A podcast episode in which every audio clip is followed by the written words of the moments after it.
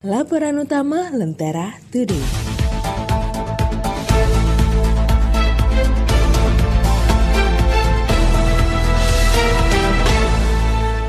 Ada Fahri Hamzah di sidang rasuah Benur.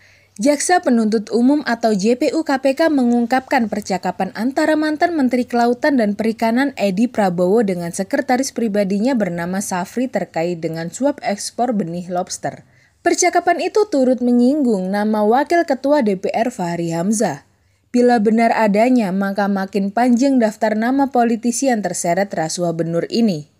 Sebelumnya nama politikus Golkar yang kini menjabat Wakil Ketua DPR, Aziz Syamsuddin juga disebut-sebut.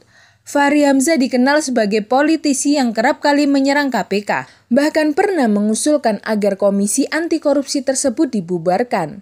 Saat namanya disenggol dalam sidang tipikor, dia pun langsung berkicau di media sosial. Rela menjadi tersangka asalkan buktinya valid. Pegang janjimu ya bang.